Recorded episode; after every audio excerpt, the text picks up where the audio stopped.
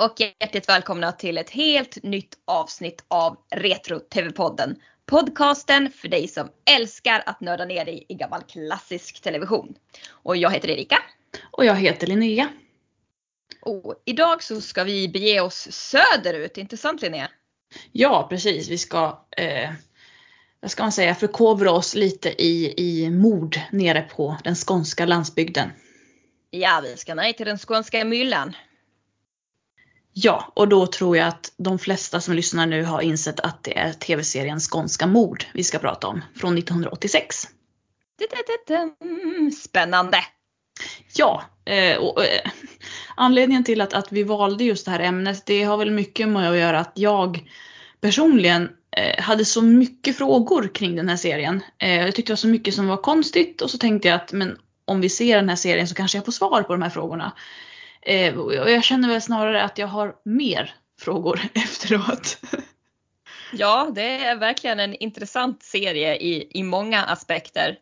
Eh, för, en, för att kort sammanfatta så kan man ju säga att den bygger på fem stycken skånska mord helt enkelt. Eh, fem stycken förhållandevis kända skånska mord. Hade du hört talas om något av de här morden innan du såg tv-serien?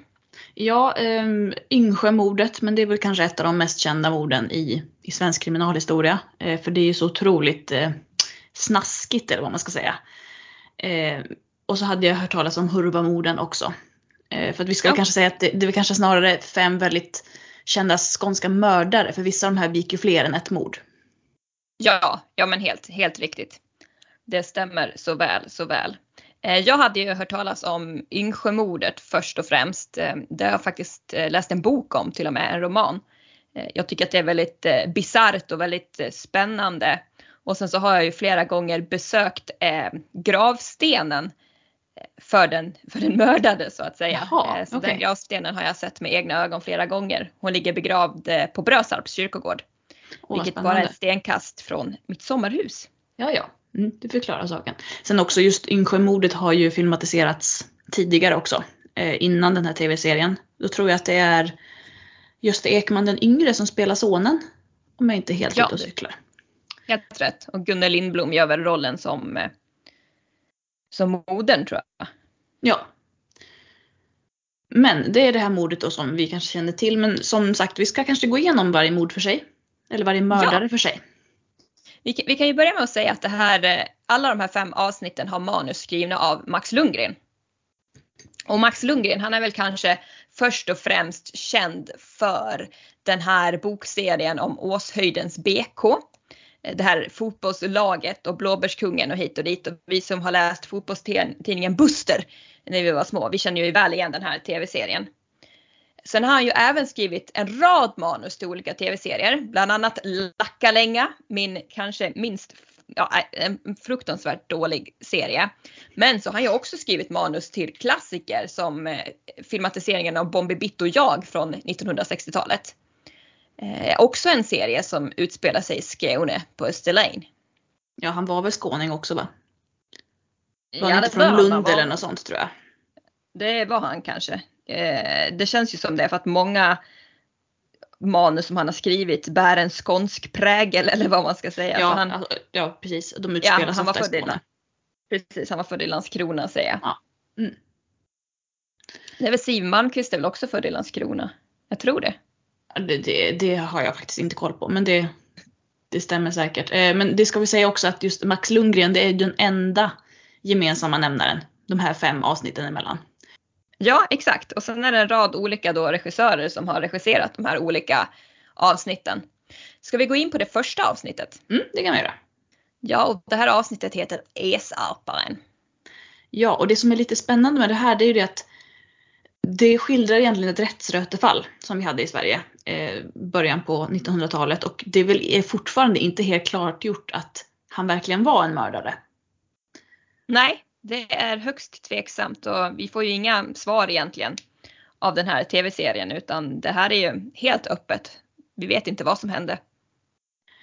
Eh, för det, det som händer åt den här Esarpan som är huvudpersonen, hans, hans fru drunknar och dör en natt. Och eh, det händer flera olika saker som då gör att misstankarna faller på honom att han ska ha puttat i sin fru eller hållit henne under vattnet eller liknande. Och han eh, döms mot sitt nekande.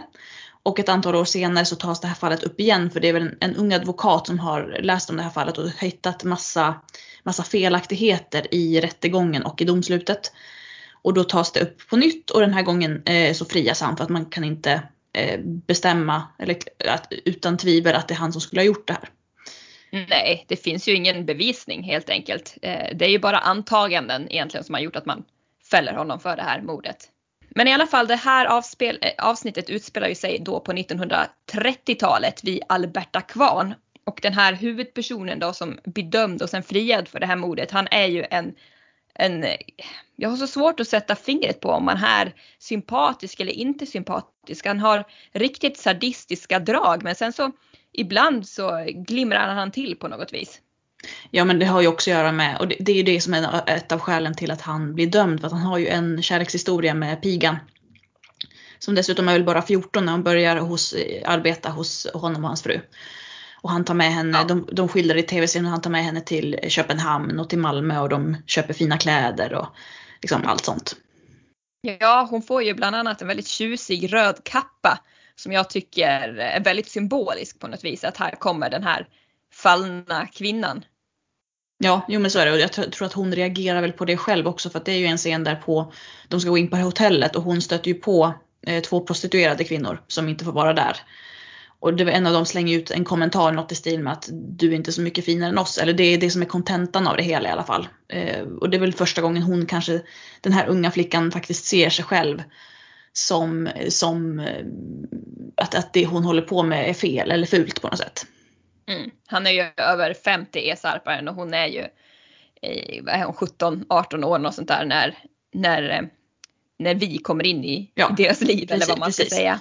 Eh, hon är mm. extremt naiv på något vis över allting. Är svårt att förstå den typen av naivitet men ja, så kan det vara. Ja, jag tänker mig också att kommer man som ung flicka från landet, vi får ju, visst träffar vi hennes föräldrar i någon scen också.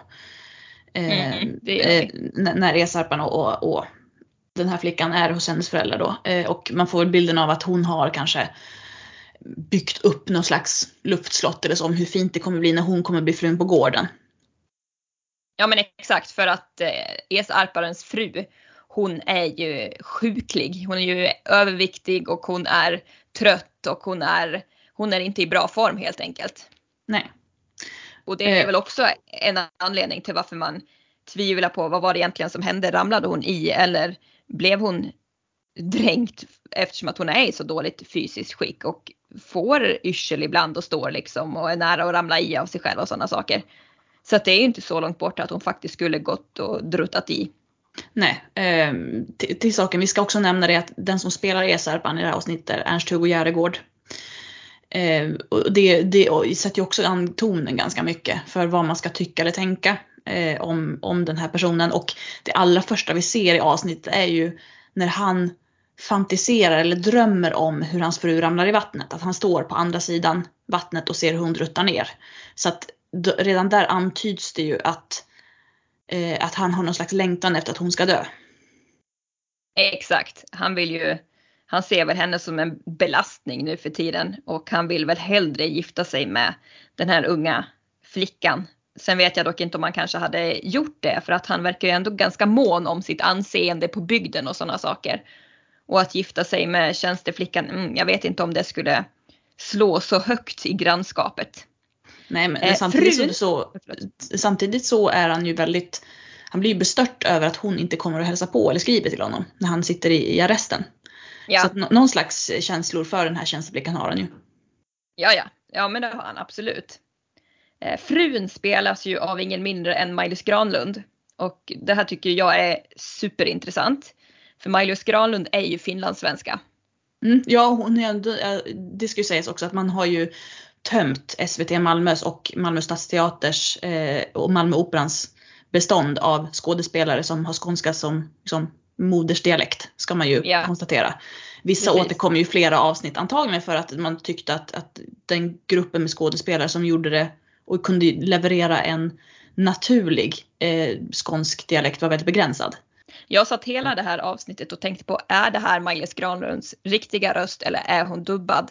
Eh, för jag tänkte, ja, hon är från Finland, klart hon inte pratar skånska, men jag menar finlandssvenska är väl en dialekt ungefär som vi pratar dialekt. Och det är klart att hon kanske också kan imitera skånska. Men jag satt ändå där och funderade på, är det verkligen hennes röst? För jag har aldrig hört henne prata något annat än finlandssvenska. Nej, och det, det som är så spännande att det är ju eh, det, det, är ju vissa skådespelare i serien som, som faktiskt inte gör det. Då tänker jag kanske framförallt på Halva Björk. För han har ju en, en roll, både, för han spelar ju domaren i Esarpan och sen så kommer han återigen i Yngsjömordet som, mm. som en annan karaktär. Och han pratar ju inte skånska i någon av rollerna. Eh, men han var ju anställd nere på Malmö stadsteater vid tillfället så det är väl därför han har varit med, för att han fanns liksom på plats. Men i de fallen har man valt skådespelaren för dialekten. Men här har man då valt en skådespelare som, precis som du säger, att det, kän det känns märkligt att det är en som man aldrig hört prata en annan dialekt plötsligt levererar det. Men å andra sidan, jag hade bara förknippat Halva Björk med Dunderklumpen där han pratar liksom sin, sin barndoms jämtska. Eh, så att jag blev lite förvirrad när jag såg honom prata rikssvenska helt plötsligt i, i Skånska mord. Så att jag tänker att det är många skådespelare, framförallt förut när man bara skulle eh, prata framförallt rikssvenska i både teater och tv-sammanhang och filmsammanhang. Så att det var nog ganska många skådespelare som hade en dialekt som de aldrig fick användning av, tänker jag. Eh, och, eller som hade det här örat för att, att skaffa andra dialekter. Jag tänker i ett fall som Maj-Lis, i hennes fall så att där har hon ju också skapat någon slags eh, vad ska man säga, en slags eh, yrkesroll där hon ska prata finlandssvenska och förmodligen så blev hon anställd för att hon pratade finlandssvenska. Men hon kanske ja. kunde annat också. Maj-Lis Granlund verkade ju mångt och mycket vid teatrarna i Finland, vid Lilla Teatern i Helsingfors till exempel eller Åbo Svenska Teater.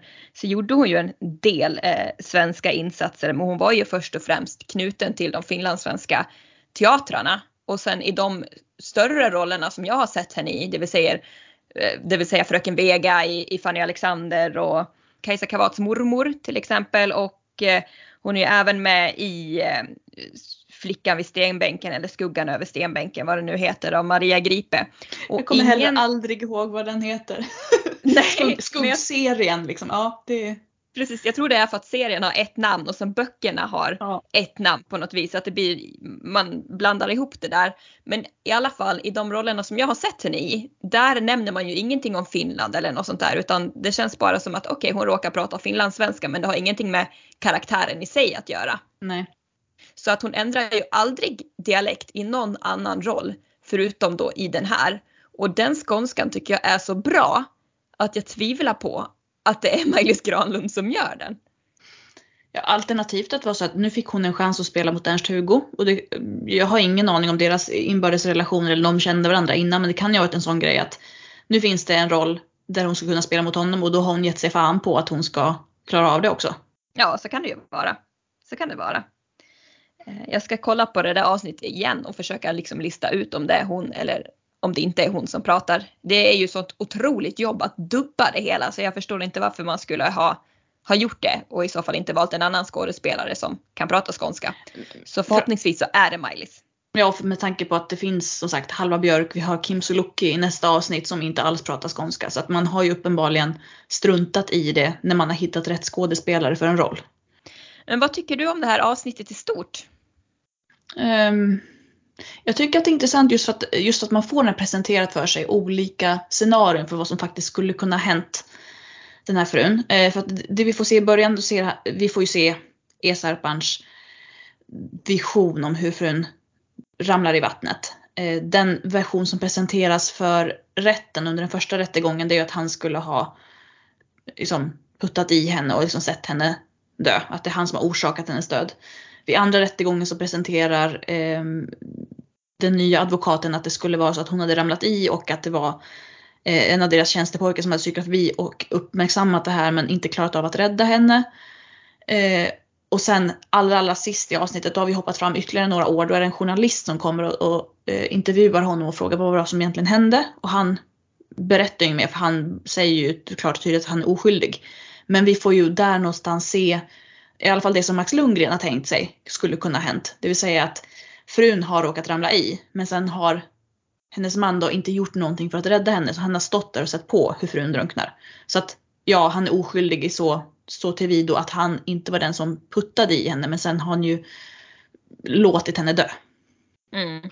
Han säger ju också det upprepade gånger, jag har inte rört vid henne med min hand. Nej precis.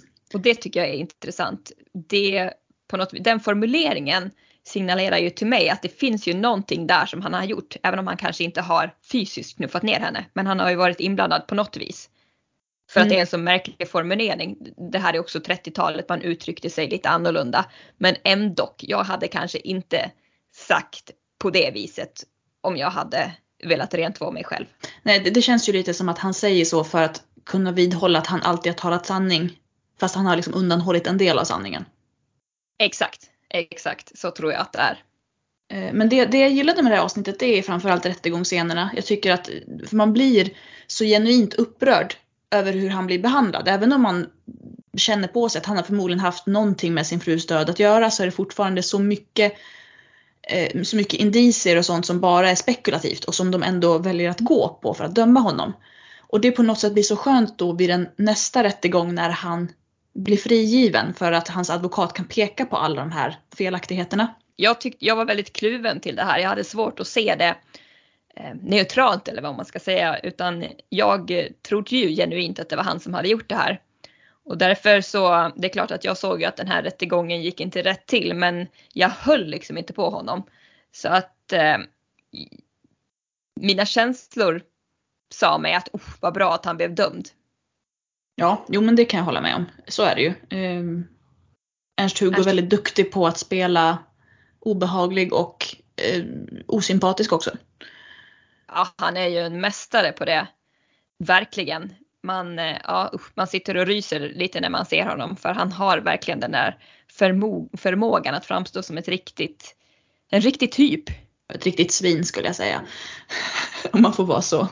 Indeed. Ja, ja vi är ju nere i den skånska myllan, det är klart man kan säga svin. Eh, en 20 återkommer ju även i nästa avsnitt. Ja, det är ett avsnitt som heter Veberödsmannen eller Webberödsmannen. Ja, precis. Eh, en, en, handlar om en man som satte i system att köpa upp kvarnar runt omkring i Skåne eh, och försäkra dem och sen tända eld på dem och ta försäkringspengarna. Eh, och han såg alltid till att det var, eller alltid, men efter ett tag så började de ju komma på honom så han såg till att det antingen var någon släkting eller någon nära vän som köpte de här som stod som ägare på, på kontraktet. Den här personen känns ju otroligt mycket elakare, eller elakare än vad Esparparen gjorde. Det här är ju en genuint ond man, den här Weberödsmannen. Ja, alltså hela avsnittet börjar med att han, eh, vi får se en, en, en, betydligt yngre man gå in i sin kvarn och så blir han nedslagen. Och sen blir han upphängd i ett rep och eh, så tänder då eh, Weberödsmannen eld på den här kvarnen. Så den här eh, grannen då som det ska vara, han brinner ju upp.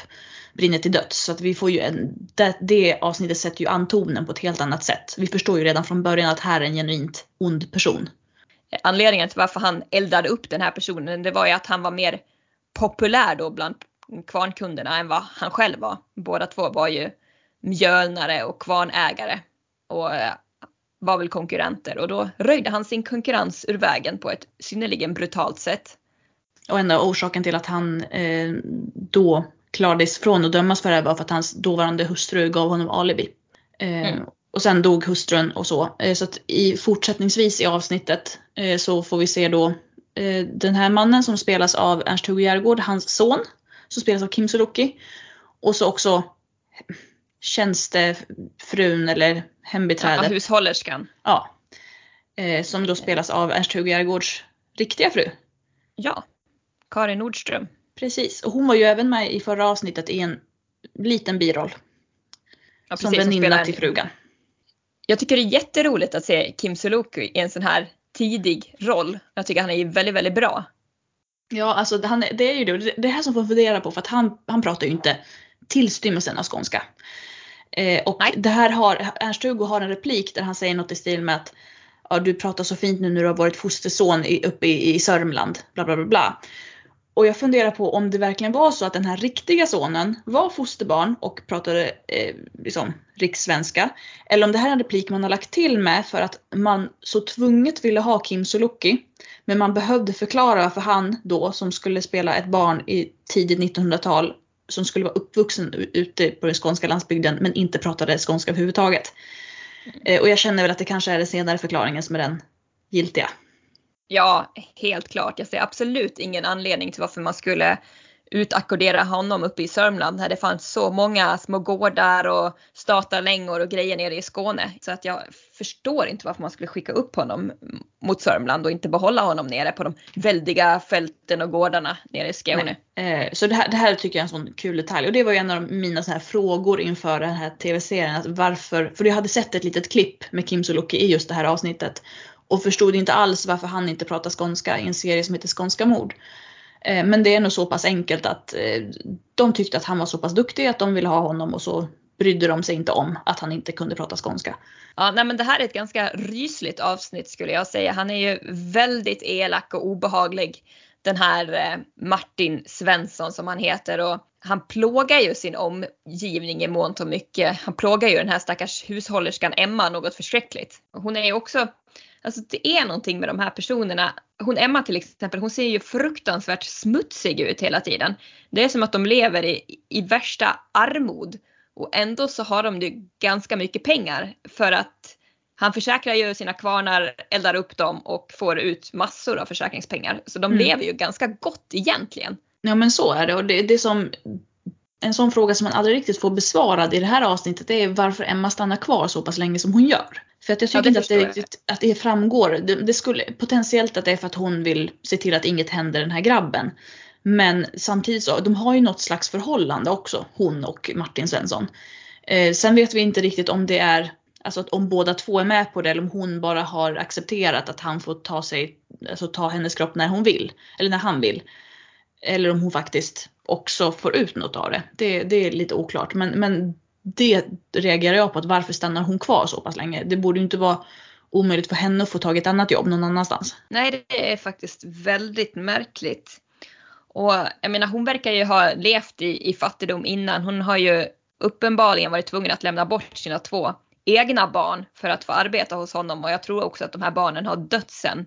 Men hon, jag vet inte om hon ser det här som kanske den enda familj som hon har kvar och därför så stannar hon fast hon lever under förskräckliga förhållanden och med en förskräcklig man. Mm, så kan det vara. Hon, kan, hon vet ju också om, hon känner ju till det här mordet som han begick, eh, det här kvarnmordet. Och jag vet inte om hon tänker att hon kanske ska kunna utpressa honom på något vis. Och att det är därför hon stannar kvar. För att hon vet att okej, okay, jag har någonting på honom och jag kan använda det till min fördel lite längre fram. Mm. Det, det, är ju det hon försöker med också senare i, i avsnittet. Varpå då Martin blir så desperat att han eh, tar livet av henne. Och så tvingar han sonen att hjälpa till att begrava henne. Och de här har ju någon sorts lite mamma-son relation ändå. Eh, kanske inte fullt men han eller hon är ju liksom den enda trygga vuxna som han har. Ja, jo men så är det. Hon ber ju också Martin att han inte ska dra in sin son i de här bränderna med kvarnarna. Att det, liksom, det är inte rätt eh, att, att din son också ska begå de här bränderna. Vad tyckte du om det här avsnittet då? Alltså det här avsnittet tycker jag är lite konstigt. Och det har mycket att göra med att vi plötsligt har en berättarröst i Hans Villius. Ja, det är jätteroligt. Och, och, och det, det, är jätteroligt men det är så konstigt för att för mig, alltså för många gissar jag så är Hans Villius, han är ju liksom vi dokumentärrösten. Jag undrar om inte det här är den vackraste platsen i hela Skåne. Inte så mycket att smeka kanske. Som att tappa bort tiden i. Det är Ale stenar ovanför Kåseberga i sydöstra Skåne. Det, han ska ju liksom prata om alla de här vardagliga grejerna som har hänt. Men han, han får det liksom låta så dramatiskt när han, när han presenterar det. Och för mig blir det ens, det här avsnittet blir en sån konstig blandning mellan eh, tv-serie, drama, dokumentär och dokumentär. Att det, det mm. blir liksom fel för mig. För att det är som, vissa scener som är så otroligt filmiska. Till exempel scenen där, där Martin då, han skjuter ju Emma i, i bakhuvudet. Mm. Och vi ser hur han, han riktar eh, kolven där och sen så klipper de till sonen som är på lite längre bort, bortanför en äng. Och han hör pistolskottet och sen ser vi hur sonen springer i slow motion över ängen liksom hem till, till, eh, till huset.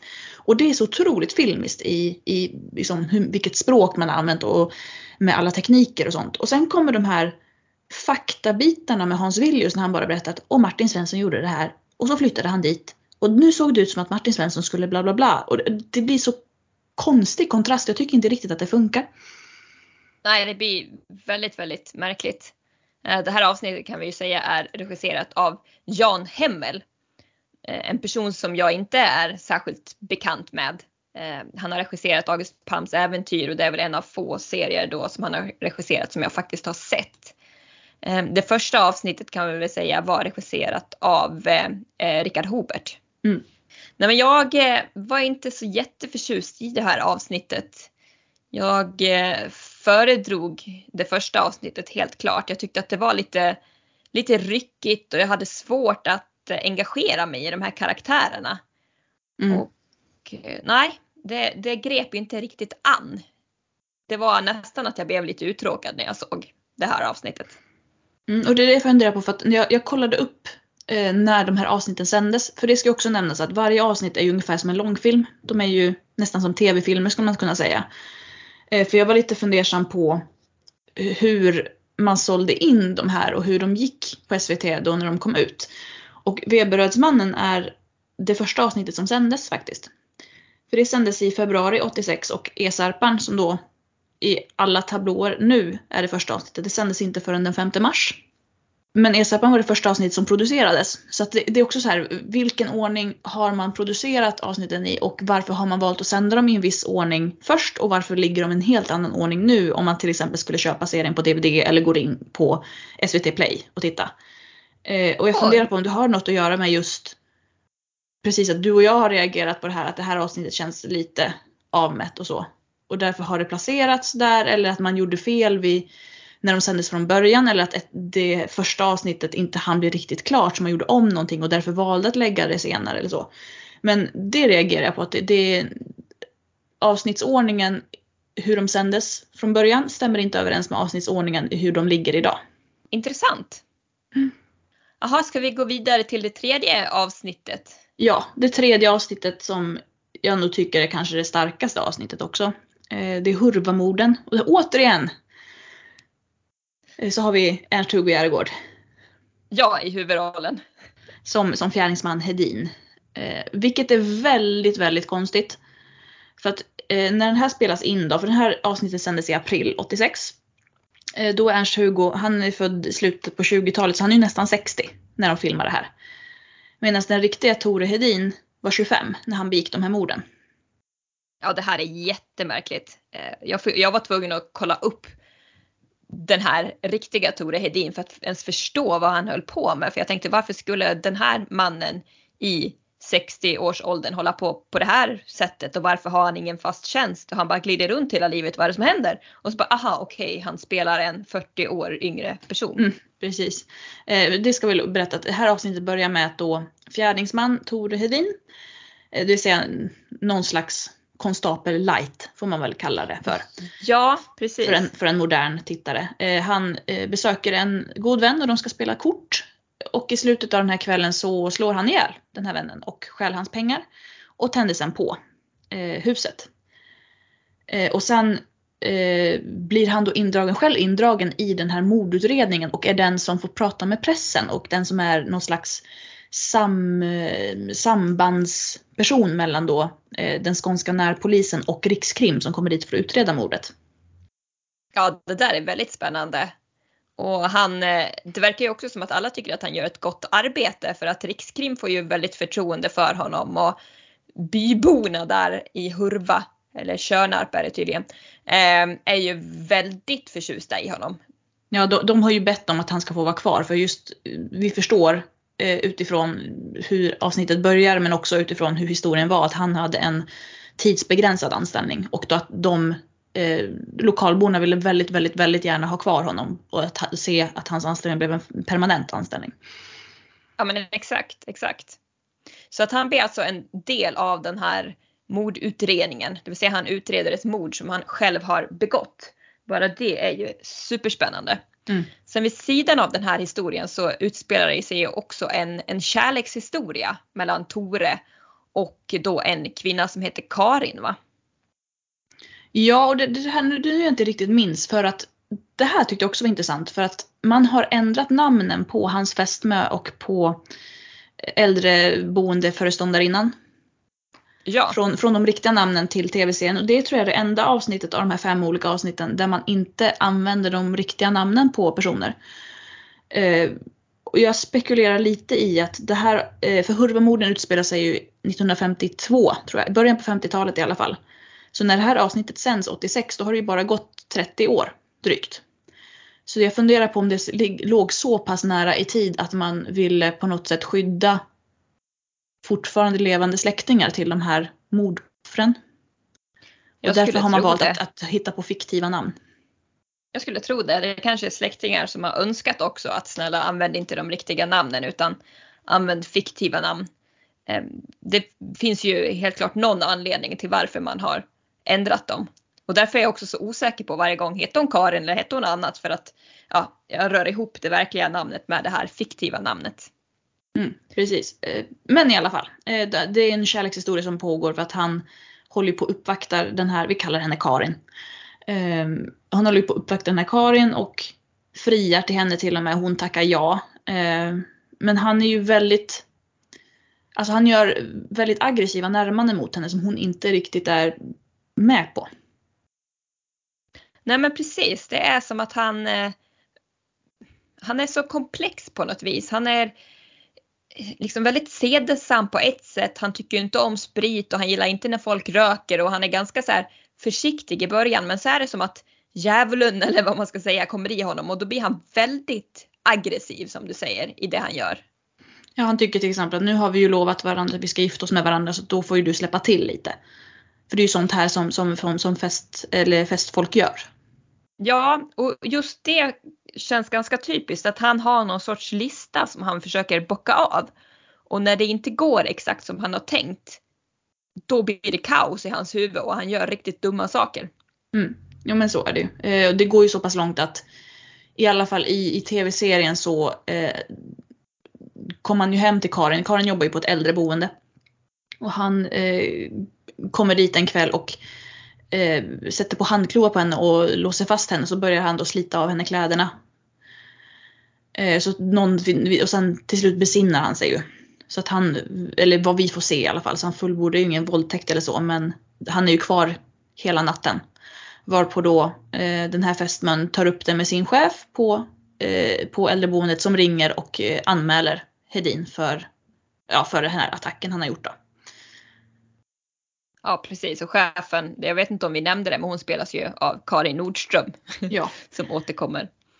Eh, ja exakt, alltså hon är ju, den här fästmön är ju ganska intressant för att hon blir utsatt för de här förskräckliga sakerna. Och samtidigt säger hon hela tiden, men han är snäll egentligen.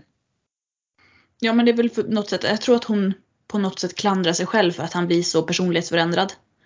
Att hon, att hon känner sig ansvarig på något sätt för, för det som händer henne. Ja, det ser man ju bara det här med att han har ju köpt någon sorts ny bil eller något sånt där och hon tar fram en cigarett och börjar röka och hon märker ju snabbt att det här gillar han inte utan han blir, han blir irriterad och han blir lite elak. Och eh, nästa gång de träffas då berättar ju hon att jo jag vet ju att du tycker inte om att jag röker så nu har jag slutat. Mm. Så att hon försöker ju verkligen anpassa sig själv efter honom för att han inte ska bli arg och sur. Så är det ju, helt klart. Eh, och hon, hon vill ju inte anmäla det här egentligen. Det är, ju- hon blir ju övertalad att anmäla eh, att Tore har tappat besinningen.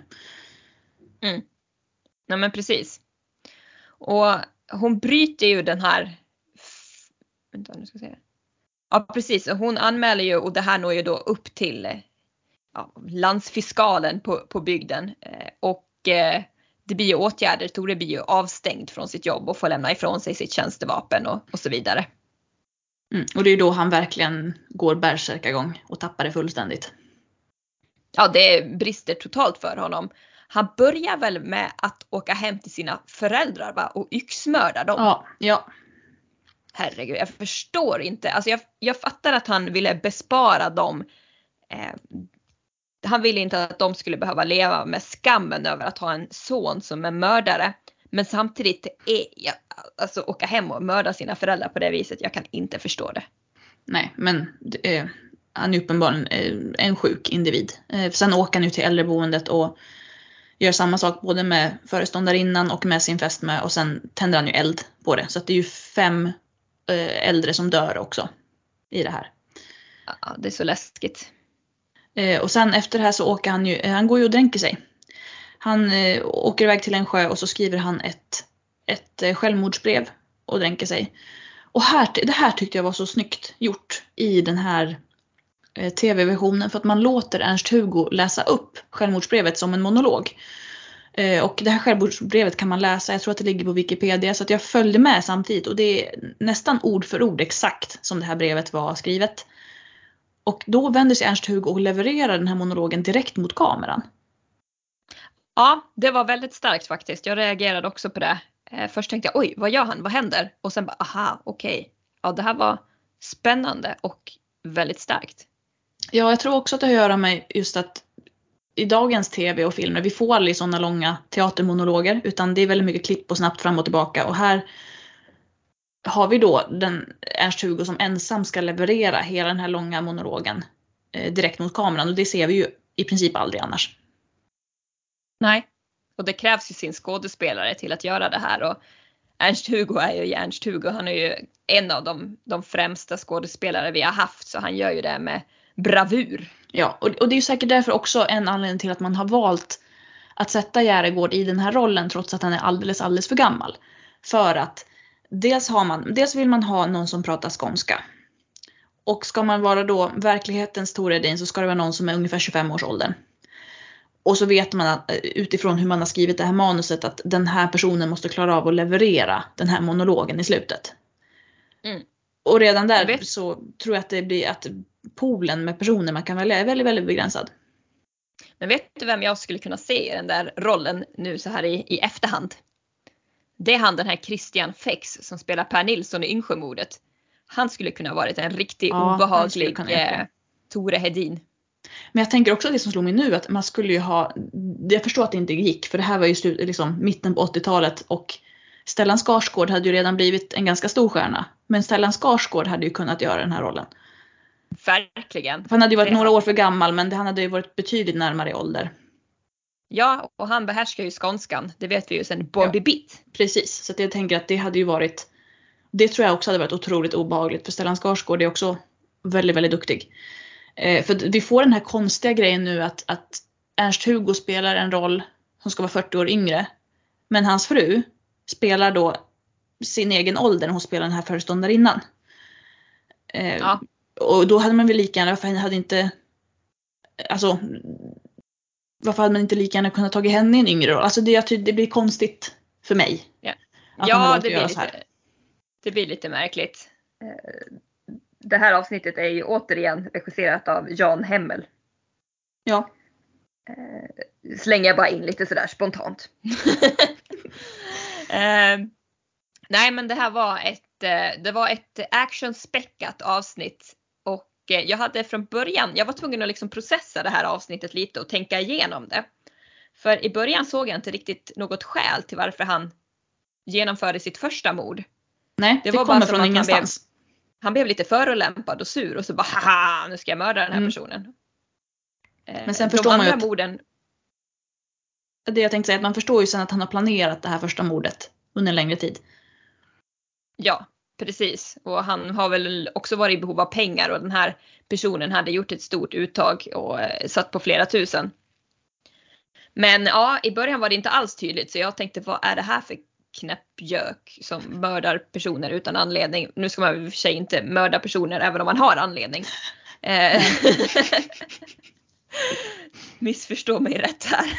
Jag tyckte det, det mordet var så snyggt gjort också för att vi får se, alltså han drämmer ju den eh, trubbiga sidan på en yxa i huvudet på den här andra mannen. Mm. Som då faller ihop och så börjar det blöda från huvudet och det, det är så snyggt gjort. Eh, för det är ju inte, det är ingen CGI eller något sånt. Det måste ju vara praktiska effekter man har använt för att få det här att se verkligt ut. För det ser verkligt ut. För i alla andra fall, eh, liksom tidigare när någon har dött, då har, vi, då har man klippt bort från liksom, själva mordet och så får man se personen sen när den är död. Alltså vi har inte sett just själva mordögonblicket. Och det fick man verkligen göra här och det var, ja det var brutalt, det var bra gjort. Som du säger. Ja, då kanske vi har eh, tömt detta avsnitt eller vad man ska säga Ja, och ska gå vidare till nästa, det absolut kändaste av dem alla, nämligen Yngsjömordet. Ja, eh, och det som jag sa innan också snaskigaste mordet kanske också. För det här handlar ju om en, eh, en änka. Hennes, när hennes man har gått bort så har hon en, ett barn kvar, en son. Och de startar ju en, incest, ett incestuöst förhållande med varandra. Eh, så pass att det börjar gå rykten i byn och eh, hon ser då till att hennes son får en fru. Men de, mor och son kan, klarar inte av att hålla sig borta från varandra så de fortsätter sin relation tills då den här nya frun eller svärdottern hotar med att eh, anklaga sin, sin styrmor eller svärmor för, eh, vad säger man, Otukt. Och då bestämmer sig mor och son för att de ska eh, göra sig av med den här nya frun. Det här är ju en riktig härva alltså. Och, eh, jag måste bara säga att sällan har Skåne sett så trist ut. Det är väldigt Det grått. såg ju rent förskräckligt ut. Jag menar Skåne på vintern är ju inte någon höjdare. Det är ju grått och fuktigt och det blåser och det är eh, inte jättetjusigt. Men det såg så fruktansvärt trist ut att nej, fy! Folk var liksom, de är klädda i sina hemska, alltså jag gillar ju 1800-talskläder men här har man liksom den i sin mest påvra form på något vis. Och det är kallt och det är fuktigt och det är grått och det är trist och det är märkliga personer och det är folk utan tänder. Det, det var ju så det var. Men det var, det var jobbigt att titta på. Jag skulle ha svårt att leva på det viset. Men det är också för att jag är van med det moderna livet. Jo, jo, så är det ju. Sen så, det är väl det man vill få igenom också, just att det finns inget, det finns väldigt lite att roa sig med och väldigt få personer att ty sig till kanske. För att förklara någonstans varför den här relationen uppstår. Och det, det jag tycker är så intressant är just hur man har valt att framställa då Anna, alltså modern i det här avsnittet. Mm. För ofta när man läser om det här mordet så, så framstår det ju som att det är hon som är hjärnan bakom alltihop. Det är hon som är the master det- planner liksom. Exakt, exakt. Det är så jag alltid har tänkt på det. Men här får man ju en helt annan bild av det hela. Ja, här får man ju bilden av att hon försöker eh, på något sätt avsluta det här. Men att hon, att, att hon, det är ju därför hon är ju den som vill eh, att sonen ska gifta sig. Hon försöker ju för att hon på något, någonstans inser ju att det här är fel. Eh, men att hon liksom inte riktigt kan hejda sig. Hon ber ju till Gud om att förlåt oss att vi, att vi, gör, att vi gör det här. och Så. Men det känns som att sonen han har egentligen inget intresse av att, att eh, agera rätt. Nej, nej men verkligen inte. Och jag tycker också det är så svårt att veta när det här förhållandet börjar. Eh, Det finns ju ett tillfälle då han kommer hem från en dans som han har varit på och är full och sen liksom i stort sett tvingar sig på sin mamma. Ja. Och, och jag funderar på, är det där som det här incest, incestförhållandet börjar eller har det funnits något tidigare? För att man har inte sett något tidigare mer än blickar och sådana här saker. Men hon säger ju också mamman att det här måste få ett slut. Vi kan inte fortsätta så här. Ja, alltså det är ju den här scenen som är ganska tidigt efter, det är ju precis efter begravningen av maken då de delar säng ihop och eh, hushållerskan hittar ju eh, hans kravatt Ja. i sängen. Eh, så där, redan där börjar, börjar hon antyda att de har ett Mm. förhållande. Men vi vet ju inte om det verkligen har skett. Så att man kan ju tolka det som att det bara börjar spridas rykten och så sen till slut så händer mor och son att ja men om de ändå redan tror det här då kan vi väl lika gärna agera på det. Alltså så här, vi, folk tror ju redan det här om oss. Eh, alternativt att alltså, det, det får vi aldrig svar på. Nej, alltså jag kan tänka mig att det är så här på något vis. Eller det jag satt och tänkte på det är ju att den här moden Anna efter man, avsnittet börjar ju med att man begraver hennes man. Mm. Och sen har man gravkaffe och sen när gravkaffet är över så sitter hon där vid bordet ensam och säger att nu är det bara vi två kvar. Eh, hon har begravt två barn, hon har begravt sin man och nu är det bara de två kvar. Ibland får jag känslan om att där fick hon en liten knäpp, en liten psykos eller någonting. Mm. Eh, och sen så är det ett tillfälle, det är någon scen senare, då Per tar på sig sin fars stövlar. Och modern säger då att de passar ju bra och där utbyter de någon sorts blick att okej, okay, här övertar, i denna stund övertar Per sin pappas plats. Mm, precis. Eh, för den här, den här scenen du pratade om innan där, där man upplever att Per, att han tvingar sig på sin mor. Då har han ju varit iväg på dans och så har han blivit lite, nästan lite förförd av en, en kvinna där och sen så, eh, så avbryter han det och då skriker hon att är det bara din mor som duger åt dig? Så Exakt. redan där finns ju de här ryktena, de har ju redan börjat florera. Nej men den här dansen det är kanske Nej, jag hade inte velat gått på den här för att det, är, det känns som att liksom kroppsvätskorna flyger. Men, jo men så är det, men jag tycker att det känns ju realistiskt i alla fall. Och det blir så otrolig kontrast jämfört med det här gråa och trista som vi pratar om. Ja men det är det absolut. För på den här dansen så är det mycket eh, det är mycket spelmän och det är väldigt mycket färg och det är liv och rörelse och det är en helt annan värld på något sätt. Ja, och det är också en värme i bilden. Det är ju det här gyllengula ljuset på något vis. Och hela tiden, det är som man kan jämföra till exempel som Fanny Alexander, det här spartanska kalla som är hos biskopen och det här varma djupa som är hos familjen Ekdal. Det är liksom de här två kontrasterna som man får även här. Mm. Eh, men sen så kommer ju i alla fall den här frun in i bilden eh, och spelas ju av, och nu har jag glömt namnet på henne, men det är samma skådespelare som är tjänsteflickan i Esarpan. Ja, Kajsa Rengart tror jag Ja, heter. precis. Och jag tycker att den här rollen passar henne mycket, mycket bättre. Dels för att hon faktiskt spelar någon som är ungefär hennes egen ålder. Eh, hon spelar ju 15 år yngre i, i början på Esarpan. Det är svårt att ta en 30-åring seriöst när den ska försöka se ut som en 15-åring. Det funkar mm. inte riktigt. Ja, nej, nej, inte alls. Eh, och det är, också, det är väl lite där jag tänker att man ser den väldigt begränsade poolen med skådespelare. Eh, ja. Eh, som kan skånska. Eh, men det ska vi säga att i det här avsnittet så har vi ju varken Ernst-Hugo eller Karin. De vilket, är ute ur bilden nu. Ja, och det är det jag också tyckte var väldigt, väldigt märkligt. Men så insåg jag också då när jag började kolla eh, um, utgivningsdatum för de här avsnitten att det här avsnittet och det sista de kom ut i december 86. Så det har gått mer än ett halvår. Så de första tre avsnitten går i februari, mars, april och de här två sista i december samma år. Och det är då jag funderar på om de här första avsnitten blev populära så man valde att göra två till. Fast då är det ju väldigt kort om tid för att hinna liksom, skriva manus, göra produktionen, klippa, allt sånt. Så det låter lite osannolikt. Eh, men att, att de i alla fall måste vara producerade och in, inspelade en bit efter de här första avsnitten. Och att Ernst-Hugo och Karin kanske inte var tillgängliga då. För annars skulle jag ju tänka att rollen, att, att rollen som Anna skulle vara perfekt för Karin Nordström. Ja, absolut. Eh, helt klart, de är ju lite lika varandra.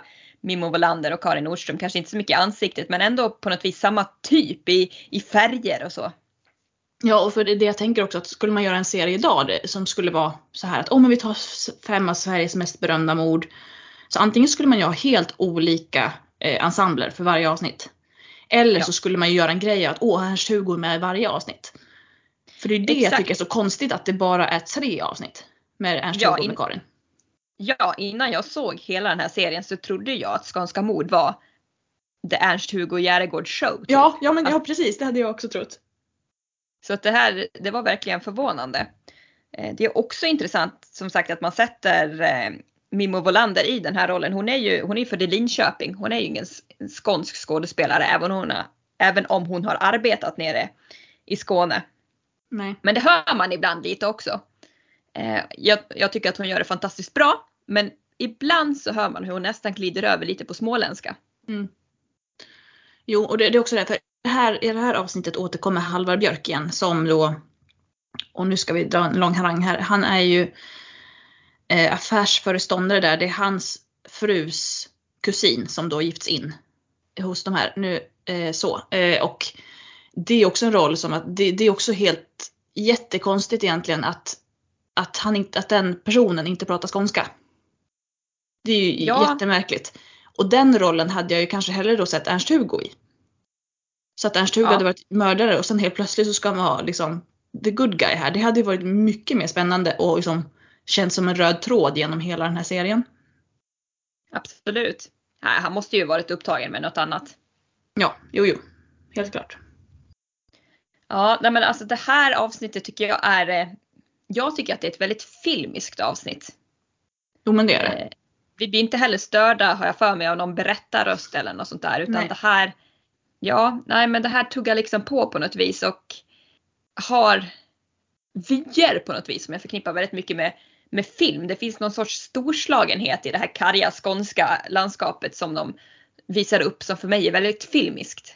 Jo men så är det ju också. Och det här är faktiskt det första avsnittet där vi har lite bakgrundsmusik. För tidigare har vi Ja. inte haft något sånt. Tidigare har det varit eh, helt tyst. Men i det här så kommer det lite, lite mungiga när vi tittar på de här karga landskapen och det händer lite saker och det kommer in någon, något litet piano ibland och så också. Eh, vid välvalda tillfällen. Så bara det förhöjer ju den här känslan ganska rejält.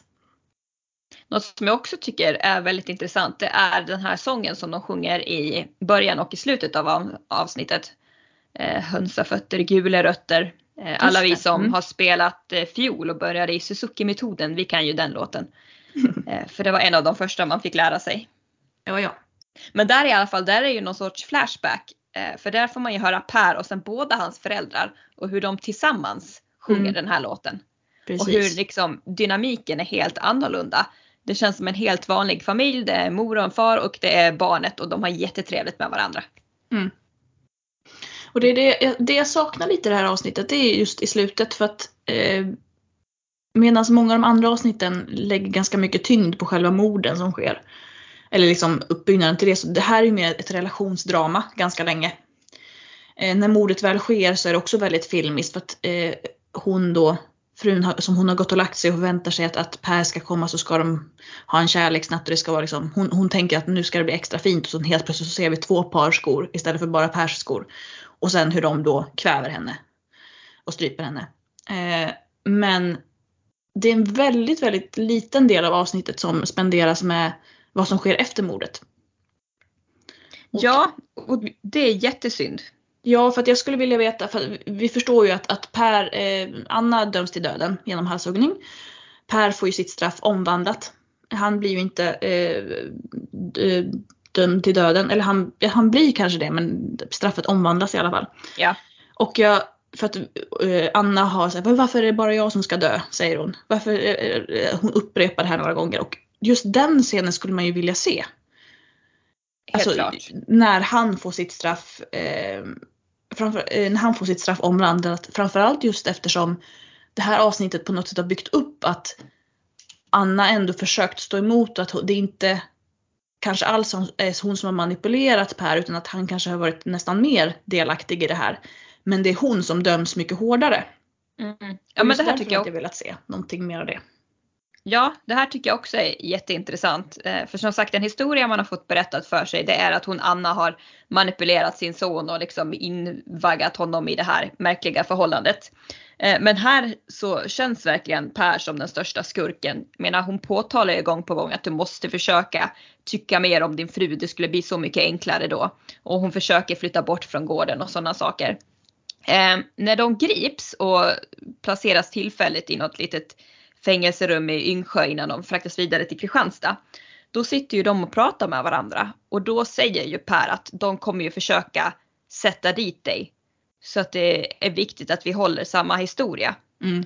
Och min teori är ju att hon förstår att okej, han kommer bli dömd till döden och jag vill inte skiljas från honom. Så jag kommer säga att jag kanske är mer delaktig Ja, än vad jag är för att vi ska få dö tillsammans. Mhm. Och därför blir hon också så upprörd när bara hon sen ska dö för att då, då skiljs de ju åt ändå. Mm, precis.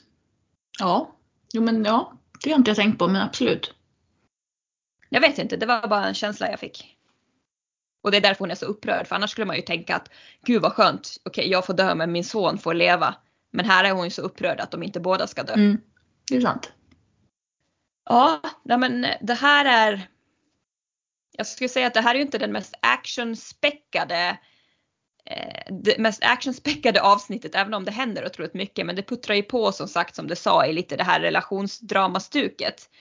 Eh, men jag tycker ändå att det är en väldigt stark berättelse och den drar in mig. Jag sitter ju ändå och kollar på hela och tycker att det är intressant. Ja, Men så är det ju. Eh, det, men det har också att göra med att eh, man får någon slags förståelse för alla sidor.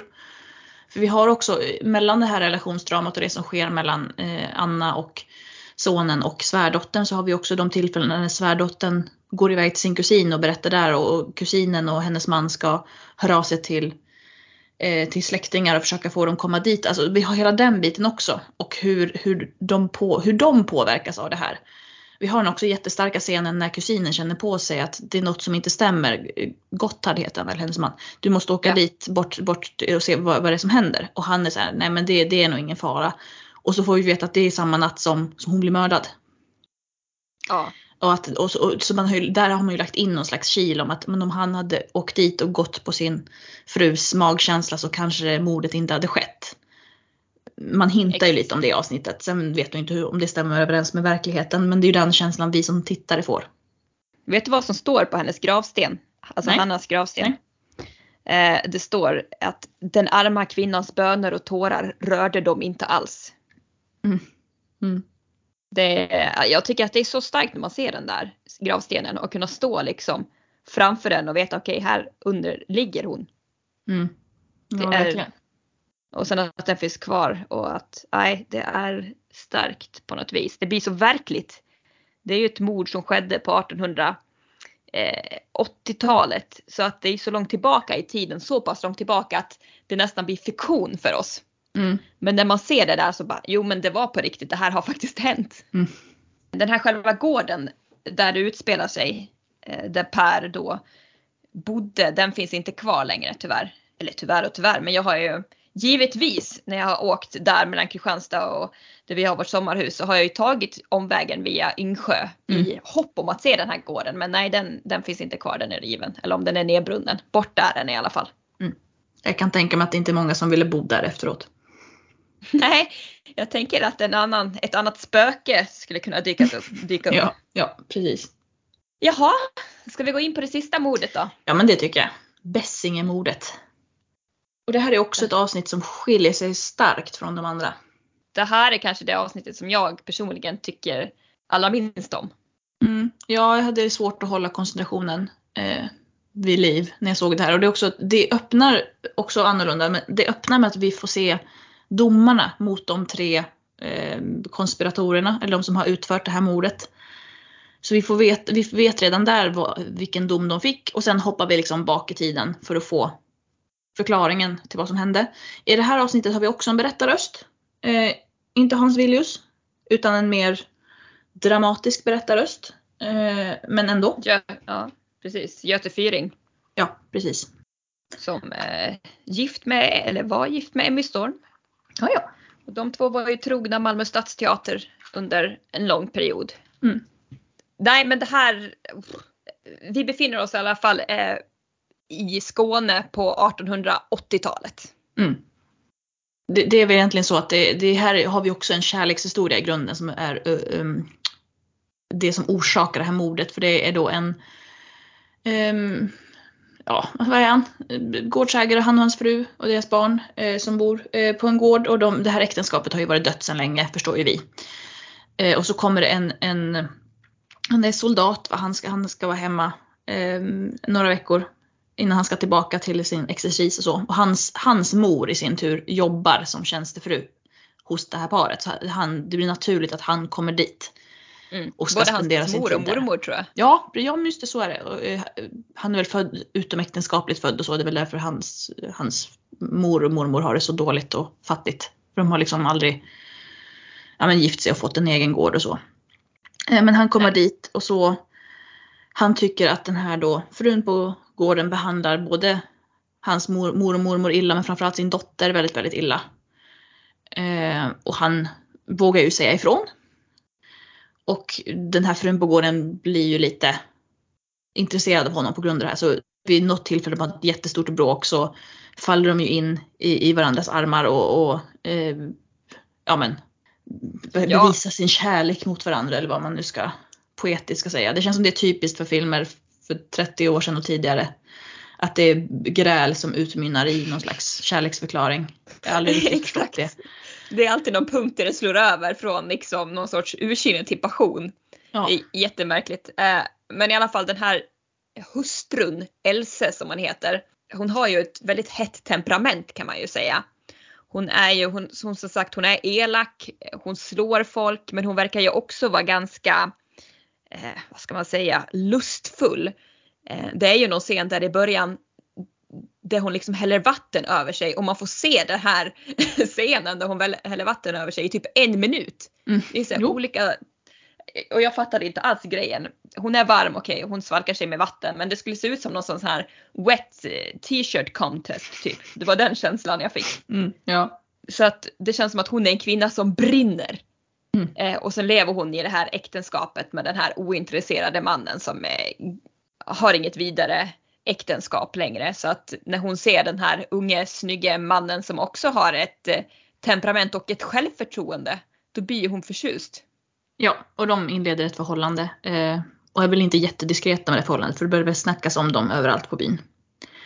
Exakt och jag menar hon ligger ju till och med och sover i hans säng mm. inne i huset. Så att hon, eh, hon bryr sig ju inte speciellt mycket. Och det tror jag beror på att det faktiskt var den här Else som satt på pengarna. Ah, ja. hon, mm. Eh, hon var ju arvtagare till det så kallade Ockelboarvet eller Åbergska arvet.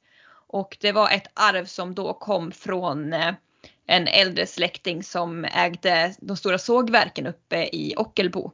Mm. Mm. Så att det var ett antal släktingar som fick väldigt mycket pengar.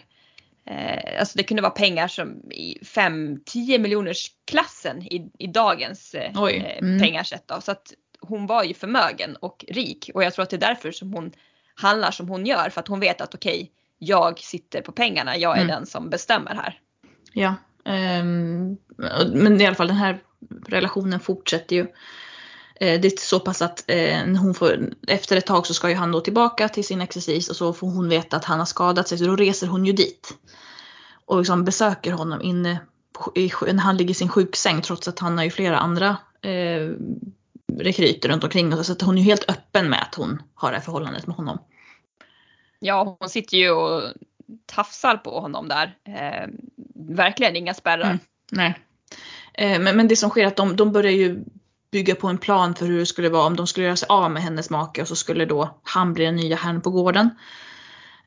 Um, och det här är ju intressant för att det här, i de alla andra fall så är det ju eh, mord som utlöses av eh, någon slags tillfällighet eller att, eh, en desperation. Men i det här fallet så är det ju faktiskt en väldigt genomtänkt plan för att inte åka dit. Det är ju ett överlagt mord det här till skillnad från de andra morden. Mm. För att de övertalar ju då eh, den här soldaten, hans morbror som är väldigt fattig och som bor väldigt eländigt, som dessutom har flera barn som har dött under vintern på grund av att det har varit så dåligt med mat och så kallt och så. Så de övertalar honom att han ska eh, skjuta eh, den här maken för att eh, då kommer de kunna skaffa sig alibin allihop och ingen kommer misstänka att det är han och då kommer han dessutom få pengar så att hans liksom, övriga familj ska överleva. Och då intalar den här morbrorn också återkommande att men varför ska du ha det så dåligt när andra har det så bra? Mm. Ja men precis. Och den här eh, morbrorn han är ju ganska tveksam. Han har ju ändå moral. Mm. Och är ju verkligen så att nej jag, jag tänker inte skjuta någon men sen så vet han okej okay, mina barn svälter. Kan jag verkligen säga nej? Det kan ju liksom innebära att de faktiskt dör. Men gör jag det här då kanske de lever. Och bara ställas inför något sånt det är ju det är ju fruktansvärt liksom. Mm. Eh, och det hela utmynnar ju med att han har någon sorts brottningsmatch med Gud. Ja, precis. Och den scenen är så... Oh, jag tycker den är så ful. För det är så tydligt att, det är så tydligt att de har... För han har ju pratat tidigare med sin äldsta dotter om eh, någon person som gick i en brottningsmatch mot Gud och vann över Gud. Så det är det, det, är det här det här ska anspela på, att han också ska gå en brottningsmatch med Gud. Eh, och man har valt att stagea det här inne på en scen och man har byggt upp så det ska se ut som, ett, men som en åker och så. Och det, det är så uppenbart att det här är inomhus på en scen med scenljussättning och eh, rökmaskiner och grejer. Och det, och det känns som en väldigt dålig teaterscen, eller så pjäs, monolog. Eh, det känns väldigt teatraliskt och det passar inte alls in med resten. Och med tanke på att de, vi ändå haft en scen en halvtimme tidigare när han står med sin dotter i en riktig åker och gräver. Varför har man inte då spelat in den här scenen på den här åkern på kvällen? När det fortfarande bara är lite skumt, lite ljus. Alltså det hade varit, känts mycket bättre och mycket mer realistiskt och hade passat mycket bättre in i själva avsnittet. Och istället blir det här äh, verklighetsbrytet som känns jätte, jättekonstigt. Ja, det är väldigt märkligt. Eh, men i alla fall, han besegrar ju Gud. Tror han. Ja, tror han ja. Eh, nu tror inte jag att den här brottningsmatchen med Gud äger rum alls egentligen. Nej. Utan han, som sagt, han har sin sorts brottningsmatch med Gud. Han besegrar Gud och får då liksom Guds förståelse egentligen varför han ska göra det här. Mm. Eh, och då genomför ju han det här också eh, samtidigt som Else och eh, den här unge mannen har sett till att befinna sig på en annan plats med vittne. Mm.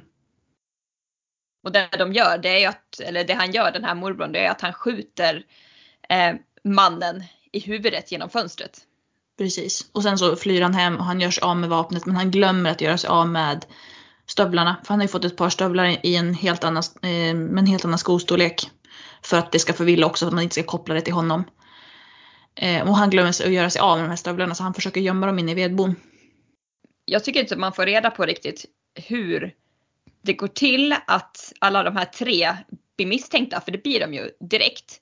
Mm. Men det måste ju vara så att ryktet på bygden var så starkt att man insåg att okej, okay, det måste vara de här som har gjort det. Ja, det är det berättarrösten säger. Det är därför de är, jag gissar att man har skrivit in en berättarröst. För berättarrösten säger att för börjar först med att han glömde stövlarna och nu trodde Elsa och bla bla bla att de var säkra. Men de hade inte förstått hur mycket bygden hade pratat om deras relation. Och strax var, var landsfiskalen och knackade på deras port. Alltså, ja just det. Så att, Just det. Men något som jag inte kan förstå och som jag verkligen satt och funderade över. Den här Else, för det första tycker jag att hon är en fruktansvärd eh, människa. Eh, så kan jag förstå att det finns en desperation, att hon är uttråkad och sånt där. Att vara fast i det här kärlekslösa äktenskapet och hon vill ha något mer. Men just det här att hon ser till att få sin man mördad framför deras gemensamma dotter. ja, men hon gillar inte sin dotter heller. Nej, Jag tycker att det framgår, alltså jag tycker det framgår i hur hon behandlas. Alltså hon, jag tror att hon ser sin dotter som en förlängning av sin man. Ja, det måste ju vara så. För att eh, det är ju ett förskräckligt trauma hon åsakar henne. Och sen har vi också alltså, ehm, ehm, soldatens mamma som bor i huset. Hon, hon vet ju att det är någonting som är i görningen. Hon ber ju sin son om och om igen att men gör inte det här, gå inte på det här. Eh, håll dig borta från det här. Eh, och han lyssnar ju inte. Hon, hon gillar ju verkligen inte den här Else och hon förstår väl antagligen inte varför hennes son uppför sig så som han gör. Nej. Eh, Men något som jag tycker är lite, lite kul, det känns ju som att hon, Else som sagt, hon är ondskan personifierad. Men han den här eh, Per tror jag han heter, Per Sjöstedt, han, han känns som, liksom som en hippie som bara glider in där och i början är han liksom så här sanningssägaren och är väldigt positiv och glad och säger som det är och sen så blir han på något vis lite förvriden av henne och får liksom ja, blir väl lite girig helt enkelt och vill åt de här pengarna och den här stora gården. Ja och det märks ju också när, när, hans, när han ligger där på sjukan och hon har varit på besök. Så är det någon som frågar men vem var hon? Alltså, ja, det är min fästmö och jag ska bli, ni trodde väl inte det, men jag ska bli herre på en stor fin gård. Så han har ju redan intalat sig själv att det här kommer ske. Och Ja. att han ska få på något sätt och, och att han på något sätt ska bli herrn på gården. Och det jag kan tänka mig om han har växt upp fattigt och förmodligen är en oäkting så är väl det något han aldrig kunnat drömma om riktigt. Nej gud nej, det här är ju en förmögen kvinna han har på kroken. Eh, Det är klart att han vill göra sitt liv bättre och sina, sin mammas och mormors livs bättre, och, äh, Mm. bättre också. Han säger vid något tillfälle att, jag tror det är till Else hon säger det att vad, vad har det liksom funnits för chanser för, mina, för min mamma att göra sitt liv bättre? Mm, precis. Även här så blir det väl så att alla döms till döden men det är bara Else, Elses dödsdom som står fast. De andra blir benådade. Ja, precis. Och Else, men Else begår ju självmord i häktet innan hon blir avrättad. Hon hänger sig. Ja, Eh. precis, genom eh, att spara näsdukar. Eh, Ja. Precis. Hon eh, gråter varje gång hon får besök och sen så ber hon om en näsduk och så sparar hon alla de här näsdukarna och knyter ihop det till ett rep. Mm. Nej, jag tyckte inte om det här avsnittet. Jag tyckte att det var liksom så här obehagligt. Jag tyckte det var mycket längre än vad det behövde vara. eh, väldigt mycket tyst, onödig tystnad kan jag tycka. Ibland är tystnaden väldigt stark men här kändes det som att den var lite väl påtaglig. Ja, och den känns lite obalanserat också. Jag hade gärna sett mer um, Jag hade gärna sett lite mer av rättegången till exempel. Jag hade gärna sett lite mer um, För när de väl ska börja övertala morbrorn om att han ska begå det här brottet, då går det väldigt fort. För då har vi några scener som klipps ihop väldigt fort när han först är tveksam till att göra och sen inte och sen och sen går han med på det och sen utför han mordet och så får vi den här berättarrösten som berättar hur snabbt det gick. Istället för att liksom lägga mer det hade varit mycket mer intressant om vi hade haft ett antal scener där Else och eh, soldaten tror att de har kommit undan. Helt att klart. de liksom hade, hade levt i någon slags ja, men, i falsk trygghet om att de har klarat sig och sen liksom att det vänds mot dem. Men nu hela slutet känns ganska hastigt. Ja, det är lite som att man hoppar över liksom actionscenerna och sen har man utfyllnaden kvar. Mm, precis. Ja. Men det är, man lär sig en hel del. Man märkte ju att man blev ju intresserad av alla de här morden och man gick ju snabbt in på Wikipedia och började ju surfa runt för att läsa sig mer. Så att de väcker ju verkligen ens intresse eh, trots att det är lite varierande kvalitet och nivå på dem. Ja, så är det ju helt klart. Eh, det jag har liksom haft som, som frågetecken det är just det här. Men varför Ernst, Hugo och Karin bara med i, i tre avsnitt? Varför inte i alla? Varför är det så otroligt? För det, det, är det som känns så konstigt också att Max Lundgren som har skrivit alla manus, att det känns som fem helt olika typer av filmer. Mm. Att vissa, vissa av de här eh, avsnitten är verkligen som riktiga filmer med musik och man har tänkt på ljussättningen, man har tänkt på hur fotot ska se ut, man har tänkt på allt. Och sen vissa avsnitt som är mer som dramadokumentärer där det inte är någon bakgrundsmusik, allt ska kännas autentiskt och liksom. Så att det, jag tycker att det är en väldigt ojämn serie. Och jag vet inte om det är att varje regissör fick ha sina specifika önskemål. Att så här tänker jag att jag vill berätta den här berättelsen. Och så skrev Max Lundgren lite på beställning utefter regissörens önskemål. Ja, det känns ju lite så. Mm. Jag funderar också på kanske om det här var något som SVT Malmö, om det var en idé från dem från början. Att de ville liksom sätta sitt märke på någonting. Att vi, nu ska vi, ha, vi ska visa att vi kan göra en stor produktion här nere i Skåne. Och vi tar, Skåne, alltså vi tar mord som har skett här i Skåne. Att, att det var liksom en beställning kanske. Ja, så kan det ha varit. Ja, men vad bra, vad spännande. Jag ska ju ner igen. Jag tror att när ni lyssnar på det här så sitter jag faktiskt där nere i Skåne fem kilometer från Hannas eh, gravsten. Så att jag skulle ju faktiskt kunna åka dit, ta en liten bild och lägga upp det på vår, eh, i stories på Instagram och Facebook. Men det tycker jag. Ja. Och berätta lite om gravsten. Ja, men det kan jag göra. Vad bra, men då känns det väl som att vi har kommit till vägs ände just nu va? Ja, och om det är någon som sitter på någon information om skånska mord och, och, varför serien ser ut som den gör, då får ni jättegärna höra av er för att som sagt, eh, jag blir bara mer förvirrad av att titta på serien än vad jag var innan. ja, och om det var någon som befann sig där nere i Esarp 1932 och som vet hur det gick till, då får ni också gärna höra av. Ja, det, det, det, mm, gör det. Det eh, ser vi fram emot. Vi blir jätteimponerade då. Och nej, tänk om vi blir kontaktade av någon sorts spöke här nu. Nu ångrar jag att jag sa det här. Jag tror att det är lugnt. Ja, det får man hoppas. ja, nej men vad, vad bra. Då säger vi väl tack för idag. Ja, helt klart.